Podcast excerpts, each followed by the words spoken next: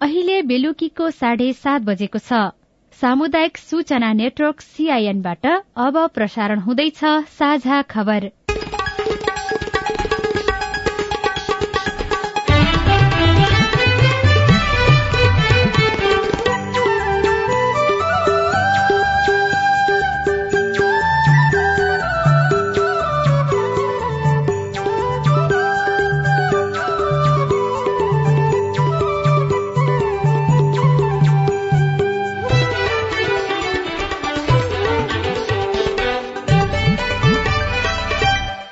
सीआईएनको साझा खबरबाट सोभिता रिसालको नमस्कार। साझा खबर देशभरिका सामुदायिक radio CIN Khabar dot com र मोबाइल एप सीआईएनमा पनि सुन्न सकिन्छ।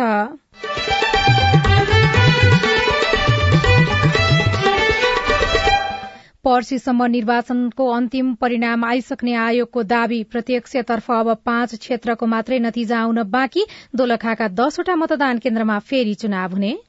वैद्येश्वर गाउँपालिका वार्ड नम्बर दुई जनज्योति माध्यमिक विद्यालय पुतलीकाठ मतदान केन्द्र क र ख तामाकोशी गाउँपालिका वडा नम्बर तीन हेल्थ पोस्ट भवन जफै मतदान केन्द्र क र ख।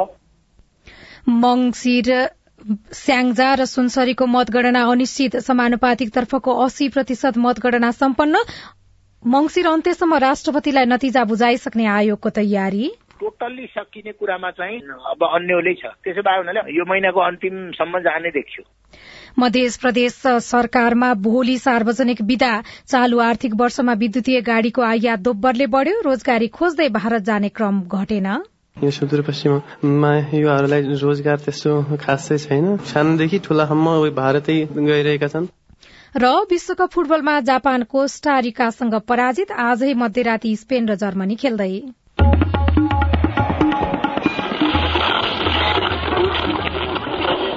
सयौं रेडियो। हजारौं रेडियो कर्मी र करोड़ौं नेपालीको माझमा यो हो सामुदायिक सूचना नेटवर्क सीआईएन निर्वाचनको परिणाम आउने क्रम सकिने लाग्दा नयाँ सरकार गठनतर्फ चासो बढ़ेको छ। समानुपातिकतर्फ अहिलेकै जस्तो मत प्राप्त गरे गठबन्धनमा रहेका दलले सरकार बनाउन आवश्यक पर्ने बहुमत प्राप्त गर्न सक्ने देखिएको छ। तर गठबन्धन नै कायम रहन्छ कि रहँदैन भन्ने टुंगो लागेको छैन। अबको राजनीतिक परिदृश्य कस्तो होला? प्रधानमन्त्री को बन्ला जस्ता विषयमा उत्सुकता बढ़दै गर्दा दलहरूले अब नयाँ ढंगले अघि बढ़ने र आफूलाई बदलिँदो जनमत अनुसार अघि बढ़ाउने हिम्मत गर्नैपर्छ निर्वाचन आयोगले पर्सीसम्म निर्वाचनको अन्तिम परिणाम आइसक्ने बताएको छ। बाजुरा दोलखा र स्याङ्जा दुई बाहेक अन्य सबै क्षेत्रको परिणाम मंगलबारसम्म सार्वजनिक भइसक्ने आयोगका प्रवक्ता शालिग्राम शर्मा पौडेलले सीआईएनसँग बताउनुभयो। तीन स्थानमा केही विवादका कारण मतगणनामा ढिलाइ भएको छ। निर्वाचन आयोगका अनुसार प्रतिनिधि सभाको प्रत्यक्षतर्फ नेपाली कांग्रेसले सबैभन्दा बढ़ी मत प्राप्त गरेको छ। कांग्रेसले त्रिपन्न स्थानमा जीत हासिल गरेको छ भने तीन स्थानमा अग्रता कायम गरेको छ। त्यस्तै नेकपा एमाले एकचालिस स्थानमा विजय भएको छ भने दुई स्थानमा अग्रता कायम गरेको छ। नेकपा माओवादी केन्द्रले सत्र नेकपा एकीकृत समाजवादीले दश राष्ट्रिय प्रजातन्त्र पार्टी र राष्ट्रिय स्वतन्त्र पार्टीले सात सात जनता समाजवादी पार्टी नेपालले छ स्थानमा जीत हासिल गरेको छ। स्वतन्त्र पाँच लोकतान्त्रिक समाजवादी पार्टीले चार र नागरिक उन्मुक्ति पार्टी तीन स्थानमा विजयी भएका छन्। अन्तिम मत परिणाम प्राप्त भएपछि त्यसको सम्पूर्ण विवरण आयोगले राष्ट्रपतिलाई बुझाउनु पर्ने कानूनी प्रावधान छ। सीआईएनसँग कुराकानी गर्दै आयोगका प्रवक्ता शालिग्राम शर्मा पौडेलले यो महिनाको अन्तिममा राष्ट्रपतिलाई विवरण बुझाउने बताउनुभयो। हामीले भोलि बेलुकासम्ममा अथवा पर्सिसम्ममा तीनवटाको बाहेक अरू सबैको रिजल्ट आइसक्छ। तर तीनवटा समेत कम्पाइल नगरिकन त राष्ट्रपतिलाई बुझाउने कुरो भएन। टोटल्ली सकिने कुरामा चाहिँ अब अन्यले छ। त्यसो भए हुनाले यो महिनाको अन्तिमसम्म जाने देखियो दोलखाका दसवटा मतदान केन्द्रमा भने पुनः मतदान हुने भएको छ। मंगिर चार गते भएकै निर्वाचनमा दोलखाको वैतेश्वर गाउँपालिका छका वैतेश्वर माध्यमिक विद्यालय मतदान केन्द्रको क ख ग वडा नम्बर दुईको जनज्योति माध्यमिक विद्यालय पुतलीकाठका मतदान केन्द्र क र ख तामाकोशी गाउँपालिका तीन हेल्थ पोस्ट भवन जफे मतदान केन्द्रका क र ख गरी सातवटा मतदान केन्द्रको निर्वाचन रद्द गर्दै निर्वाचन आयोगले पुनः मतदान गर्ने निर्णय गरेको हो। त्यस्तै वैतेश्वर वडा नम्बर तीनको कालेढुङ्गा मावि मतदान केन्द्र क ख र गमा भएको मतदान रद्द गर्ने निर्णय पनि आयोगले गरेको छ। ती स्थानमा पन्ध्र गते भित्र पुनः मतदान सम्पन्न गर्न मुख्य निर्वाचन अधिकृतको कार्यालय दोलखालाई आयोगले निर्देशन दिएको। समानुपातिक तर्फका प्रवक्ता गुरू प्रसाद वाग्ले सीआईएनसँग बताउनुभयो। दोलखा जिल्लाको बैतेश्वर गाउँपालिका वडा नम्बर छ बैतेश्वर माध्यमिक विद्यालय मतदान केन्द्र क ख र ग। वैद्येश्वर गाउँपालिका वार्ड नम्बर दुई जनज्योति माध्यमिक विद्यालय पुतलीकाठ मतदान केन्द्र क र ख। तामाकोशी गाउँपालिका वडा नम्बर तीन हेल्थ पोस्ट भवन जफै मतदान केन्द्र क र ख। र वैद्येश्वर गाउँपालिका वडा नम्बर तीन कालीढुङ्गा माध्यमिक विद्यालय मतदान केन्द्र क र ख ग समेत दसवटा मतदान केन्द्रको मतदान पुनः हुने गरी आयोगबाट आज निर्णय भएको छ त्यो मतदान चाहिँ कहिले गर्ने निर्णय भयो? मतदान पन्ध्र गतेभित्र मतदानको कार्यतालिका बनाउनलाई चाहिँ निर्वाचन सम्बन्धित जिल्लाको मुख्य निर्वाचन अधिकारीलाई निर्देशन दिने भनेर निर्णय भएको छ। प्रतिनिधि सभातर्फको एक सय पैंसठी निर्वाचन क्षेत्र मध्ये अब पाँच निर्वाचन क्षेत्रको मात्रै मत परिणाम आउन बाँकी रहेको छ। कांग्रेसले त्रिपन्न सीट जितेको छ तीन क्षेत्रमा अघि छ यस्तै एमाले बयालिस क्षेत्र जितेको छ एक क्षेत्रमा अघि देखिएको छ। यस्तै गरी माओवादी केन्द्रले सत्र सीट जितेको छ भने एकीकृत समाजवादीले दस सीट जितेको छ राष्ट्रिय स्वतन्त्र पार्टीले सात सीट जितेको छ भने राप्रपाले पनि सात सीट जितेको छ। लोसपाले चार सीट जितेको छ नागरिक उन्मुक्ति पार्टीले तीन सीट जितेको छ स्वतन्त्र सहित अन्यले आठ सीट जितेका छन्। प्रतिनिधि सभा तथा प्रदेशसभा सदस्य निर्वाचन अन्तर्गत समानुपातिक प्रणालीतर्फ हालसम्म करिब अस्सी प्रतिशत मतगणना सम्पन्न भएको छ। सम्पन्न भएको मतगणनाको विवरण निर्वाचन आयोगको सूचना प्रणाली र समानुपातिक प्रणालीको मुख्य निर्वाचन अधिकृतको कार्यालयमा अभिलेख हुने क्रम जारी रहेको निर्वाचन आयोगले जनाएको छ। निर्वाचनका लागि कुल मतदाता एक करोड़ उनासी लाख आठ हजार आठ सय पचास रहेकोमा प्रारम्भिक विवरणमा एकसठी प्रतिशत मत खसेको अनुमान गरिएको थियो। सोको अस्सी प्रतिशत मतगणना हुँदा अब करिब चौविस लाख लाख मत उक्त प्रणालीमा तर्फ गन्न बाँकी रहेको आयोगको समानुपातिक तर्फका प्रवक्ता गुरूप्रसाद वाग्ले सीआईएनलाई जानकारी दिनुभयो। निर्वाचन अधिकृतले उताबाट गनिसकेर जुन आएको जुन सिस्टम छ नि हाम्रो त्यो सिस्टममा उहाँहरूले इन्ट्री गरिदिएपछि आएको सिस्टममा देखिने हो होइन? बढीमा बाह्र तेह्र गतेसम्म सकिन्छ भन्ने अनुमान छ। त्यसपछि अब तिनवटा जिल्लाको अलिकति ऊ छ दोलखा स्याङ्जा र बाजुरा त्यताको साइड भएपछि नै अनिखेर फाइनल होला। देशभरका अधिकांश ठाउँमा निर्वाचनको नतिजा आइसक्दा स्याङ्जा क्षेत्र नम्बर दुईको मतगणना भने अनिश्चित भएको छ। मंगिर चार गते निर्वाचन सम्पन्न भएर हप्ता दिन बितिसक्दा पनि स्याङ्जाको मतगणना अझै शुरू हुन सकेको छैन। निर्वाचन अधिकृतको कार्यालयमा सबै स्थानबाट मतपेटिकाहरू प्राप्त भइसकेपछि नेकपा एमाले लगायतका दलहरूले नेपाली कांग्रेसद्वारा बुथ कब्जा भएको आरोप लगाउँदै पुनः मतदानको माग गरेर धरना दिएपछि मतगणना अवरूद्ध भएको हो। नेपाली कांग्रेस सहित लोकतान्त्रिक वाम गठबन्धनका दलहरू विधि र प्रक्रिया पूरा भएर निर्वाचन कार्यालयमा सुरक्षित आएको जनताको अभिमतलाई तत्काल गणना गरेर निकास निकाल्नुपर्ने अडानमा छन् जसका कारण विवाद भएको रेडियो आदि खोला स्याङ्जाले खबर पठाएको छ। सुनसरी चारको स्थगित मतगणना पनि अनिश्चित भएको छ। चार बजे बस्ने भनिएको सर्वदलीय बैठक समेत अनिश्चित हुँदा अन्यलता सिर्जना भएको छ। बिहान नौ बजेदेखि झण्डै चार घण्टा बसेको सर्वदलीय बैठक बिना निष्कर्ष टुंगिएपछि अर्को बैठक बस्न नसकेको हो। बराह क्षेत्र आठको मतगणना हुँदै गर्दा ब्यालेटभित्र नभएको छ सय मत नेकपा एमालेको पक्षमा जोडिएको आरोप लगाउँदै मतगणना रोक्न संचार तथा सूचना प्रविधि मन्त्री ज्ञानेन्द्र बहादुर कार्कीले माग गर्नुभएको थियो। एमालेका उम्मेद्वार जगदीश प्रसाद कोशियतले भने पराजय हुने देखेपछि सत्ता र शक्तिको आड़मा कांग्रेसले बखेडा झिकेको आरोप लगाउनु भएको छ। गत वर्षको तुलनामा चालू आर्थिक वर्ष विद्युतीय गाड़ीको आयात दोब्बरले बढ़ेको छ। चालू आर्थिक वर्षको चार महिनामा एक हजार अठार युनिट विद्युतीय कार जीप र भ्यानहरू आयात भएका छन्। भन्सार विभागको तथ्याङ्क अनुसार यो चार महिनामा विद्युतीय कार जीप र भ्यान गरी कुल दुई अर्ब छयासी करोड़ बराबरको एक हजार अठारवटा आयात भएका छन् भने सरकारले विद्युतीय गाड़ीबाट पचासी करोड़ बैसठी लाख रूपियाँ भन्सार शुल्क उठाएको छ। यो संख्या गत वर्षभरि आयात भएको विद्युतीय गाड़ीको संख्याको आधा भन्दा धेरै हो। गत वर्ष विद्युतीय कार जीप र भ्यान गरी कुल पाँच अर्ब बत्तीस करोड़ बराबरको एक हजार आठ सय सात युनिट आयात भएका थिए। सरकारले यसबाट कुल एक अर्ब त्रिचालिस करोड़ रूपियाँ भन्सार शुल्क उठाएको विभागको तथ्याङ्कमा छ। गत वर्षको साउनदेखि कार्तिकसम्ममा विद्युतीय कार जीप र भ्यान गरी कुल छ सय त्रिहत्तर युनिट मात्र आयात भएको थियो। अहिले पेट्रोलियम गाड़ी आयातमा प्रतिबन्ध छ। आगामी फागुन मसान्तसम्म सबै सरकारी सवारी साधनहरूले अनिवार्य रूपमा इम्बोस्ट नम्बर प्लेट जडान गर्नुपर्ने भएको छ। भौतिक पूर्वाधार तथा यातायात मन्त्रालयले सञ्चालन गरेको सरकारी स्वामित्वका सबै सवारी साधनमा फागुनसम्म इम्बोस्ट नम्बर प्लेट जडान गरिसक्नुपर्ने निर्देशन दिइएको हो। सम्पूर्ण सरकारी संस्थान संघ प्रदेश र स्थानीय तहका सवारी साधनले अनिवार्य रूपमा इम्बोस्ट नम्बर प्लेट जोडिसक्नुपर्नेछ। मन्त्रालयले सवारी तथा यातायात व्यवस्था ऐन दुई हजार उनपचासको अनुसूची दुई अनुसार यस्तो निर्णय गरेको उल्लेख गरेको छ। यातायात व्यवस्था विभागका प्रवक्ता ईश्वरी दत्त पनेरूका अनुसार सर्वसाधारणलाई इम्बोस्ट नम्बरमा आकर्षित गराउन यस्तो निर्णय गरिएको हो। साझा खबरमा अब खेल विश्वकप फुटबल विशेष। विश्वकप फुटबलमा कोष्टारिका एक शून्यले विजयी भएको छ। खेलको एकासी मिनटमा कोष्टारिकाले गोल गर्दै खेलमा अग्रता लिएको हो। जापानले आफ्नो पहिलो खेलमा जर्मनीलाई हराएको थियो भने कोष्टारिका स्पेनसँग पराजित भएको थियो। अहिले बेल्जियम र मोरक्को बीच खेल भइरहेको छ। अर्को खेलमा क्रोएसिया र क्यानाडा खेल्नेछन्। यो खेल राति पाउने दस बजे शुरू हुनेछ। दुवै टोली पहिलो जितको खोजीमा छन्। विश्वकप फुटबलमा आजै मध्यराती जर्मनी र स्पेन खेल्दैछन्। यो खेल मध्यराती पाउने एक बजे शुरू हुनेछ। पहिलो खेलमा हार बेहोरेको जर्मनी आज पनि पराजित भए। समूह चरणबाट चरणबाटै घर फर्किनेछ। स्पेनले पहिलो खेलमा कोष्टारिकालाई सात शून्यले हराएको थियो। अविनाश आचार्य।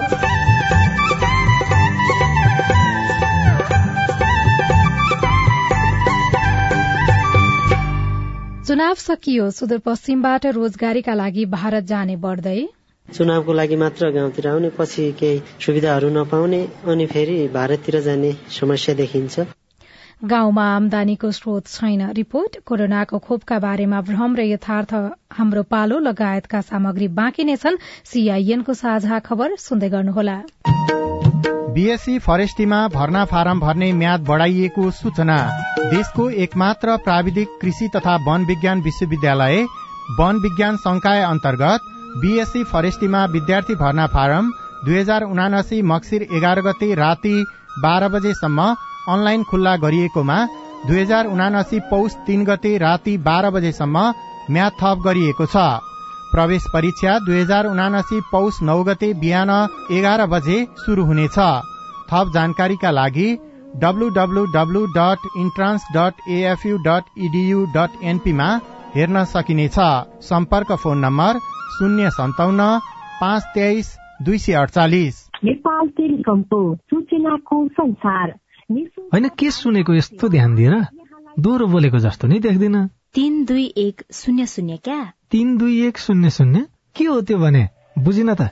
ल सुन एनटिसी प्रयोगकर्ताहरूले आफ्नो मोबाइल तथा ल्यान्डलाइनमा तीन दुई एक शून्य शून्य डायल गरी समाचार रेडियो कार्यक्रम खेल र अन्य विषय बारे सन्देशहरू जुनसुकै बेला निशुल्क सुन्न सक्छन्। ओहो निशुल्क? कस्तो सजिलो। समाचार सुन्न छुट्यो भनेर पिर लागेको थियो। अब त म पनि सुनिहाल्छु। कति रे? तीन दुई एक शून्य शून्य। सामाजिक रूपान्तरणका लागि यो हो सामुदायिक सूचना नेटवर्क सीआईएन तपाई सामुदायिक सूचना नेटवर्क सीआईएनले तयार पारेको साझा खबर सुन्दै हुनुहुन्छ। राष्ट्रिय विपद जोखिम न्यूनीकरण तथा व्यवस्थापन प्राधिकरणले संवेदनशील सार्वजनिक भवनहरूको बहुप्रकोपीय जोखिम आकलन गर्ने भएको छ। प्राधिकरणले तेह्रवटा जिल्लाका एक सय पैंतालिसवटा पालिकाका विद्यालय स्वास्थ्य चौकी अस्पताल एवं कारागार सहितका सरकारी कार्यालयहरूको बहुप्रकोपीय जोखिम आकलन गर्न अध्ययन गर्ने भएको हो। प्राधिकरणका अनुसार देशभरका एघार हजार बढ़ी संरचनाको ऱ्यापिड भिजुअल स्क्रिनिङ आरभीएस प्रणाली मार्फत सर्वेक्षण गर्न लागि जनाएको छ। ऱ्यापिड भिजुअल स्क्रिनिङ अर्थात भवनहरूको अवस्था सर्वेक्षण गरी त्यसको विवरण तयार गर्ने ती भवनको भार वहन प्रणाली र भवन संहिता अनुसार निर्माण भए नभएको पहिचान हुनेछ। भूकम्प तथा अन्य प्रकोपबाट सम्भावित जोखिममा रहेका भवनहरूको अवस्थाको अध्ययन पनि गरिनेछ। सर्वेक्षणको मुख्य उद्देश्य ती संरचनाहरू भूकम्प पहिरो बाढ़ी चट्याङ अग्लागी र हावाहुरी लगायतका प्रकोपबाट सार्वजनिक संरचना सुरक्षित छन् वा छैनन् भनेर हेरिने प्राधिकरणका प्रवक्ता प्रवक्ता डाक्टर डिजन भट्टराईले सीआईएनसँग बताउनुभयो नेपाललाई सन् दुई हजार तीससम्म विपद उत्थानशील मुलुकका रूपमा रूपान्तरण गर्ने लक्ष्य अनुसार यो परियोजना अघि बढ़ाइएको हो। मध्य प्रदेश सरकारले भोलि सार्वजनिक विदा दिएको छ। विवाह पञ्चमी महोत्सवको अवसरमा मध्य प्रदेश सरकारले सार्वजनिक विदा दिएको हो। मुख्यमन्त्री लालबाबु राउतले आज प्रेस विज्ञप्ति जारी गर्दै भोलि सार्वजनिक विदा दिएको बताउनु भएको छ। त्रेता युगमा सीता र रामको विवाह भएको स्मरणमा मिथिला क्षेत्रमा साताव्यापी विवाह पञ्चमी महोत्सव मनाउने गरिन्छ।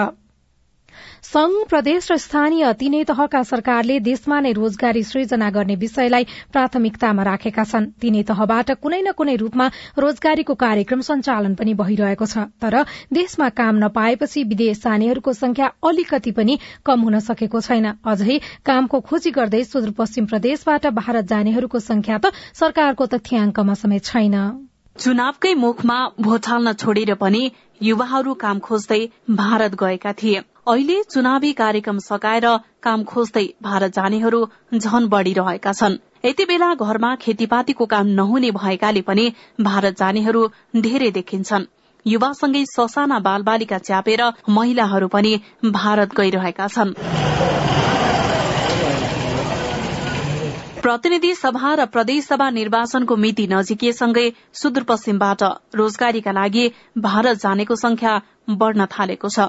पश्चिमी नाकाबाट अहिले दैनिक सयौं नेपाली रोजगारीको खोजीमा भारत गइरहेका छन्। त्रिनगर गड्डाचौकी लगायत नाकामा भारत जानेको भीड़ देखिन्छ। किशोर उमेरकादेखि वृद्ध अवस्थामा प्रवेश गरेकाहरू रोजगारीका लागि भारत छिर्दै गरेको दृश्यहरू सीमा नाकाहरूमा देख्न पाइन्छ।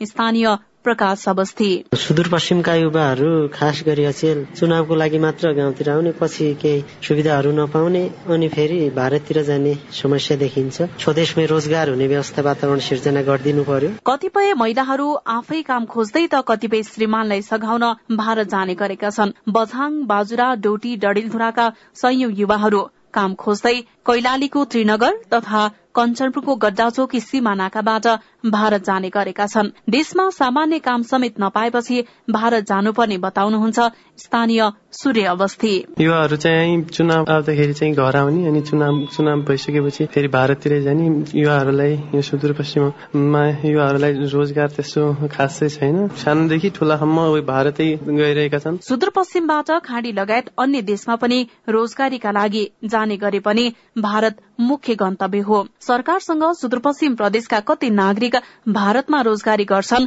एकिन तथ्याङ्क छैन। तर प्रत्येक घरका कोही न कोही रोजगारीको लागि भारतमा छन्। आउँदा जाँदा सीमा नाकामा अपहेलित हुनुपर्ने लुटिनुपर्ने बाध्यता अहिले पनि उस्तै छ। सरकारले स्थानीय स्तरमा नै घरेलु उद्योग र कृषिलाई प्राथमिकता दिन सके भारत जानुपर्ने दर कम हुन सक्ने युवा धीरज कुमार भट्टको भनाइरहेको छ। म जस्तो हजारौं युवाहरू दैनिक विदेश गइराखेका छौँ किनभने हजारौं युवाहरू आइरहेका छौँ। पहिले चाहिँ भोटको लागि नेताहरूले चाहिँ जसरी पनि हुन्छ आऊ नेपालमा चाहिँ हामी रोजगारको सुनिश्चितता गर्ल भनेर बोलायौँ त्यसपछि चाहिँ अहिले हामीले केही पनि छैन ल ल ठिकै छ हामी केही के गरौँला कस्तो सरकार बन्छ के बन्छ भन्ने किसिमको आश्वासन त दिएका छन् तर के गर्ने हामीले दैनिक गुजर चलाउनको लागि हामीले चाहिँ वैदेशिक रोजगारको बाटो चाहिँ हेर्नुपर्छ भर्खरै जितेका उम्मेद्वारले स्वदेशमा नै रोजगारीलाई मुख्य एजेण्डा बनाएका छन् तर वर्षौं अघिदेखिको स्वदेशमा नै रोजगारीको एजेण्डा कार्यान्वयन हुन सकिरहेको छैन। Bhawana Poudel CIN radio Amargadhi Dadeldhura. साझा खबरमा अब हेलो सीआईएन। मेरो नाम राम बहादुर राउत हो मेरो घर चाहिँ सिन्धुली जिल्ला कमलामाई नगरपालिका बाह्रमा पर्छ। मेरो नागरिकता हराएको छ। उक्त नागरिकता पाउनको लागि मैले मसँग भएको नागरिकताको फोटोकपी र मसँग भएको केही एउटा ओरिजिनल डकुमेन्ट लिएर गएर नागरिकता लिन सक्छु कि? वडाबाटै मैले सिफारिस लिएर गएर नागरिकता बनाउनु पर्छ होला। तपाईँको जिज्ञासा मेटाइदिनका लागि हामीले जिल्ला प्रशासन कार्यालय सिन्धुलीको नागरिकता शाखाका प्रमुख डुरदेव बराललाई भनेका छौं। एउटा प्रतिलिपि सिफारिस भन्ने वडाले बनाइदिन्छ अनि आफूसँग हराएको नागरिकताको फोटोकपी। त्यो नहुँदाखेरि चाहिँ नागरिकता नम्बर उल्लेख भएको कागजातहरू जस्तो पासपोर्ट हुन सक्छ अथवा राष्ट्रिय परिचय पत्र हुन सक्छ अथवा उहाँको नाममा जग्गा धनी लाल पूर्जा छ भने त्यसमा पनि नम्बर हुन्छ। त्यस्तै नागरिकता नम्बर उल्लेख भएको कुनै कागजातको फोटोकपी राखेर जिल्ला प्रशासनमा जानुभयो भने उहाँले प्रतिलिपि पाउनुहुन्छ। रूपन्देहीको ओम सतिया गाउँपालिकाले जाडो मौसमको बेला विपन्न ज्येष्ठ नागरिक अपाङ्गता भएका व्यक्तिहरूका लागि राहत स्वरूप कस्तो व्यवस्था गरेको र त्यो सेवा लिनका लागि के गर्नुपर्छ भनेर विनोद यादवले हाम्रो आइभीआरमा प्रश्न रेकर्ड गर्नु भएको छ। विनोदजी तपाईँको प्रश्न हामीले ओम सतिया गाउँपालिकाका प्रमुख प्रशासकीय अधिकृत सागर गौतमलाई सुनाएपछि उहाँको जवाब छ। कम्बलहरू वितरण गर्ने आश्रय नभएका र कोही पीड़ित भयो भने हामीले आर्थिक सहायता पनि गाउँपालिकामा आएर अनुरोध गर्यो भने त्यही अनुसार हेरविचार गर्ने प्लानिङ गरेका छौँ। हाम्रो वडा वडामा जनप्रतिनिधिज्यूहरू हुनुहुन्छ। ती जनप्रतिनिधिहरू मार्फत म्यासेज आयो। यदि गरिब तथा विपन्न वर्ग छ सबैलाई हामीले आर्थिक सपोर्ट गर्न सक्ने त क्षमताले पनि भ्याउँदैन। तर गरिब तथा विपन्नलाई प्रभावित हुनबाट बचाउनको लागि हामीले स्थानीय जनप्रतिनिधिहरू मार्फत त्यो सूचना प्राप्त भयो भने हामीले गर्ने गरेका छौँ। नमस्कार म कोशी गाउँपालिका दुई सुनसरीबाट महाशङ्कर शाह। नेपाल विद्युत प्राधिकरणले दुई हजार अठहत्तर साल चैत्रको नौ दसतिर लिएको सिनियर मिटर रिडरको नतिजा कहिले प्रकाशन गर्छ? यस विषयमा हामीले लोकसेवा आयोगमा बुझेका थियौं। आयोगका अनुसार विद्युत प्राधिकरणतर्फ लिइएको सिनियर मिटर रिडरको नतिजा सार्वजनिक हुन अझै एक महिनाको समय लाग्न सक्छ। तपाई जुनसुकै बेला हाम्रो टेलिफोन नम्बर शून्य एक बान्न साठी छ चार छमा फोन गरेर आफ्नो विचार गुनासो प्रश्न तथा प्रतिक्रिया रेकर्ड गर्न सक्नुहुनेछ।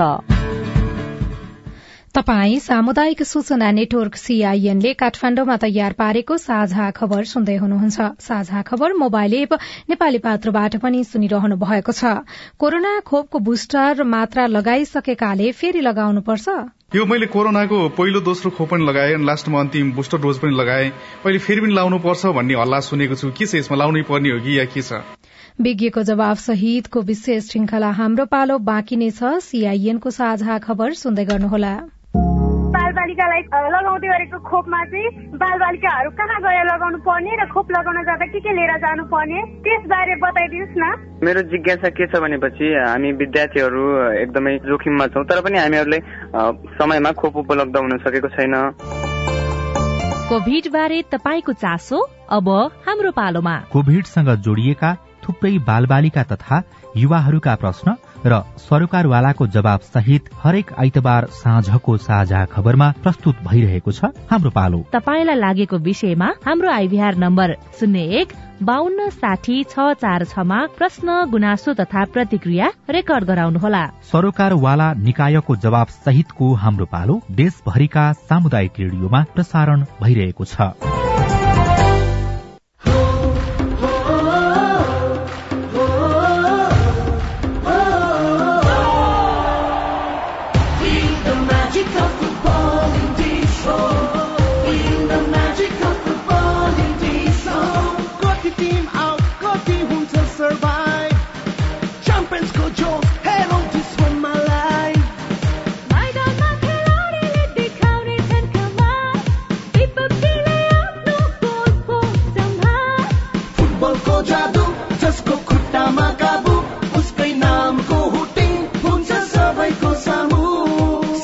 सँगै फुटबल हेर्दै चिल गरौँ डिसोममा घरमा स्टेडियमको फिल गरौँ। बल लाग्दा पोलमा सुट हुन्छ गोलमा हल्ला हुन्छ गोलमा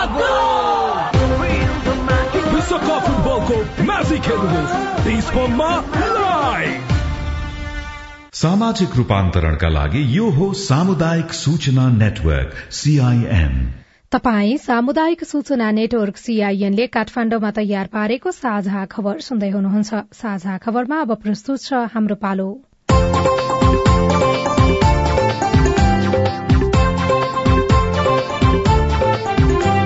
नमस्कार म सुशीला। कार्यक्रम हाम्रो पालोमा हामी कोविड लगायत अन्य महाव्याधि वा विपदका समयमा बाल सुरक्षा बाल अधिकार शिक्षा स्वास्थ्य लगायत अन्य सरकारका विषयमा बाल बालिका किशोर किशोरी र युवाहरूको सवाल लिँदै त्यसको उत्तर खोज्ने प्रयत्न गर्नेछौ। आज हामी हाम्रो पालोको छयत्तरौं खण्डमा छौं। आजको कार्यक्रम हाम्रो पालोमा हामी कोरोनाको दोस्रो बुस्टर मात्रा खोपको बारेमा चर्चा गर्दैछौ। अहिले विश्वमा पहिलो मात्रा बुस्टर खोप लगाएकाहरूले दोस्रो मात्रा बुस्टर खोप लगाउने या नलगाउने भन्ने विषयमा बहस चलिरहेका बेला नेपालमा दोस्रो बुस्टर मात्रा खोप लगाउन के छ सरकारको तयारी? बाल बालिका र युवाको प्रश्नमा स्वास्थ्य तथा जनसंख्या मन्त्रालयको जवाफ के छ? हामीले सहप्रवक्ता डाक्टर समीर कुमार अधिकारीलाई सोधेका छौं। नमस्कार म सुमन काभ्रे जिल्लाबाट। कोरोनाको बुस्टर मात्रा खोप लगाएपछि फेरि दोस्रो मात्रा बुस्टर खोप लगाउनु पर्छ अरे भनेको सुनेको छु। के बुस्टर मात्रा लगाइसकेकाले फेरि दोस्रो मात्रा बुस्टर डोज लगाउनु पर्छ हो? सुमन भाइ तपाईँले सुन्नुभएको कुराको सन्दर्भमा नेपालमा त्यो अभ्यास अहिले हामीले गरेका पनि छैनौँ। पिकेहरू त्यो निष्कर्षमा पुगेर सरकारलाई त्यो सिफारिस गरिसक्नु भएको पनि छैन। विश्व स्वास्थ्य संगठनले पनि थप सिफारिस गरिसकेको अवस्था छैन। हालसम्म हामीले पूर्ण मात्रा खोप लगाएपछि एक मात्रा बुस्टर मात्राको रूपमा दिने भन्ने निर्णय भएको छ। त्यही कार्यान्वयनमा गएको छ। त्यसभन्दा थप नयाँ किसिमको कुनै पनि अध्ययन अनुसन्धानको कुराहरू आयो। अधिवेशनमा भइरहेका अनुसन्धानबाट त्यस अनुसार सिफारिस भयो भने विश्व स्वास्थ्य संगठनले पनि सिफारिस गर्ला सरकारले पनि त्यस अनुसार कार्यान्वयन गरेर लिएर जाला।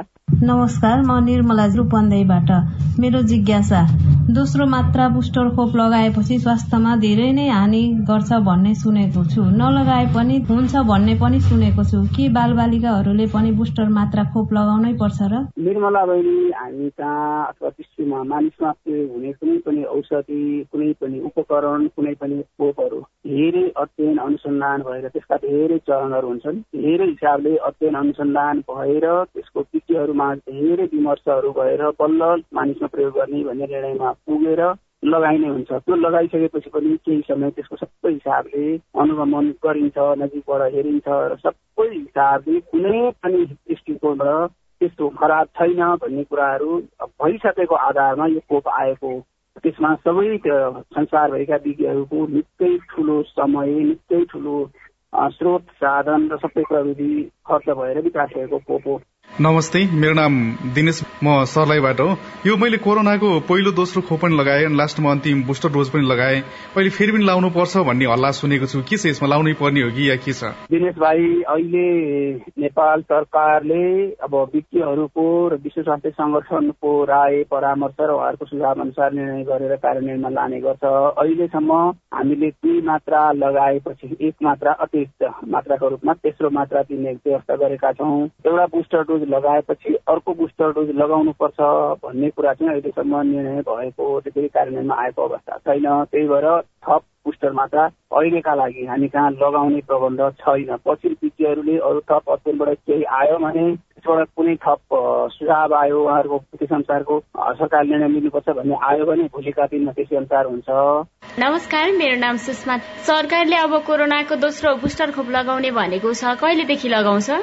सुषमा बहिनी देशमा अहिलेसम्म हामीले पूर्ण मात्रा खोप लगाइसकेपछि एक अतिरिक्त मात्रा खोप बुस्टर मात्राका रूपमा लगाउने व्यवस्था गरेका छौँ। त्यसभन्दा बढी अथवा त्यसभन्दा अतिरिक्त मात्रा लगाउने गरी कुनै पनि त्यस्तो किसिमको सिफारिस आएको छैन। त्यसैले सरकारले निर्णय पनि गरिसकेको छैन त्यसै व्यवस्था पनि गरिसकेको छैन। भोलिका दिनमा अन्यत्र भएका अध्ययन अनुसन्धानले थप नयाँ कुरा भने भने त्यसका आधारमा विज्ञहरूले लिएको निर्णयका आधारमा सरकारले कार्यान्वयनमा लिएर जान्छ। अहिलेका लागि एक मात्रा बुस्टर मात्रा लगाइसकेपछि थप अरू खोप लगाउने व्यवस्था छैन। नमस्कार म सीता रूपन्देहीबाट दोस्रो मात्रा बुस्टर खोप लगाउनु पर्छ भन्ने सुनेको छु। किन यो आवश्यक छ र? रूपा बहिनी अहिले हामीले खोप लगाउने प्रबन्ध गर्दाखेरि पूर्ण मात्रा एउटा खोप जोन्सन एन्ड जोन्सनको खोप एक मात्रा पुरा मात्रा हुन्छ। अरू खोप हामी कहाँ लगाइएका खोपहरू दुई मात्रा लगाएपछि पुरा मात्रा हुन्छ। त्यसको अतिरिक्त एक मात्रा खोप चाहिँ बुस्टर मात्राका रूपमा दिने प्रबन्ध गरिएको छ। त्यसभन्दा बाहेक त्यसभन्दा थप मात्रा खोप लगाउने कुनै व्यवस्था गरिएको छैन। त्यस अनुसार हामीले कुनै निर्णय पनि लिएर त्यसरी गरिएको त्यस्तो खालको व्यवस्था नगरिएको हुनाले अब थप अध्ययन अनुसन्धानबाट केही आयो भने त्यसको आधारमा कुनै निर्णय भयो भने तीहरूबाट आएको सुझावहरू विमर्शहरू सबैको हिसाबले उपयुक्त छ भने त्यसका बाद पाटोमा सरकारले छुट्टै निर्णय गर्दा अहिलेका लागि एउटा बुस्टर मात्रा दिइसकेपछि अतिरिक्त बुस्टर मात्राका रूपमा अरू थप खोप दिनुपर्छ भन्ने प्रावधान छैन। धन्यवाद। स्वास्थ्य तथा जनसंख्या मन्त्रालयका सहप्रवक्ता डाक्टर समीर कुमार अधिकारीलाई। तपाईका प्रश्न तथा जिज्ञासाको लागि तपाईको आवाज रेकर्ड हुने आइभीआर नम्बर शून्य एक बान्न साठी छ चार छमा फोन गरेर प्रश्न तथा जिज्ञासा र विचार रेकर्ड गराउनुहोला। अर्को हप्ता प्रश्नको उत्तर खोजौला। साझा खबरमा हाम्रो पालो आजलाई यति। अब तपाईँको पालो। पर्सीसम्म निर्वाचनको अन्तिम परिणाम आइसक्ने निर्वाचन आयोगले दावी गरेको छ। प्रत्यक्षतर्फ अब पाँच क्षेत्रको नतिजा मात्रै आउन बाँकी रहेको छ। दोलखाका दसवटा मतदान केन्द्रमा फेरि मतदान हुने भएको छ। समानुपातिक तर्फको अस्सी प्रतिशत मतगणना सम्पन्न भएको छ। मंगिर अन्त्यसम्म राष्ट्रपतिलाई सम्पूर्ण नतिजा बुझाउने आयोगले तयारी गरेको छ। चालू आर्थिक वर्षमा विद्युतीय गाड़ीको आयात दोब्बरले बढ़ेको छ। रोजगारी खोज्दै भारत जाने क्रम घट्न सकेको छैन र विश्वकप फुटबलमा जापान कोष्टारिकासँग पराजित भएको छ। आजै मध्यराती स्पेन र जर्मनी बीच प्रतिस्पर्धा हुँदैछ। हवस् आजलाई साझा खबरको समय सकियो। प्राविधिक साथी सुरेन्द्र सिंहलाई धन्यवाद।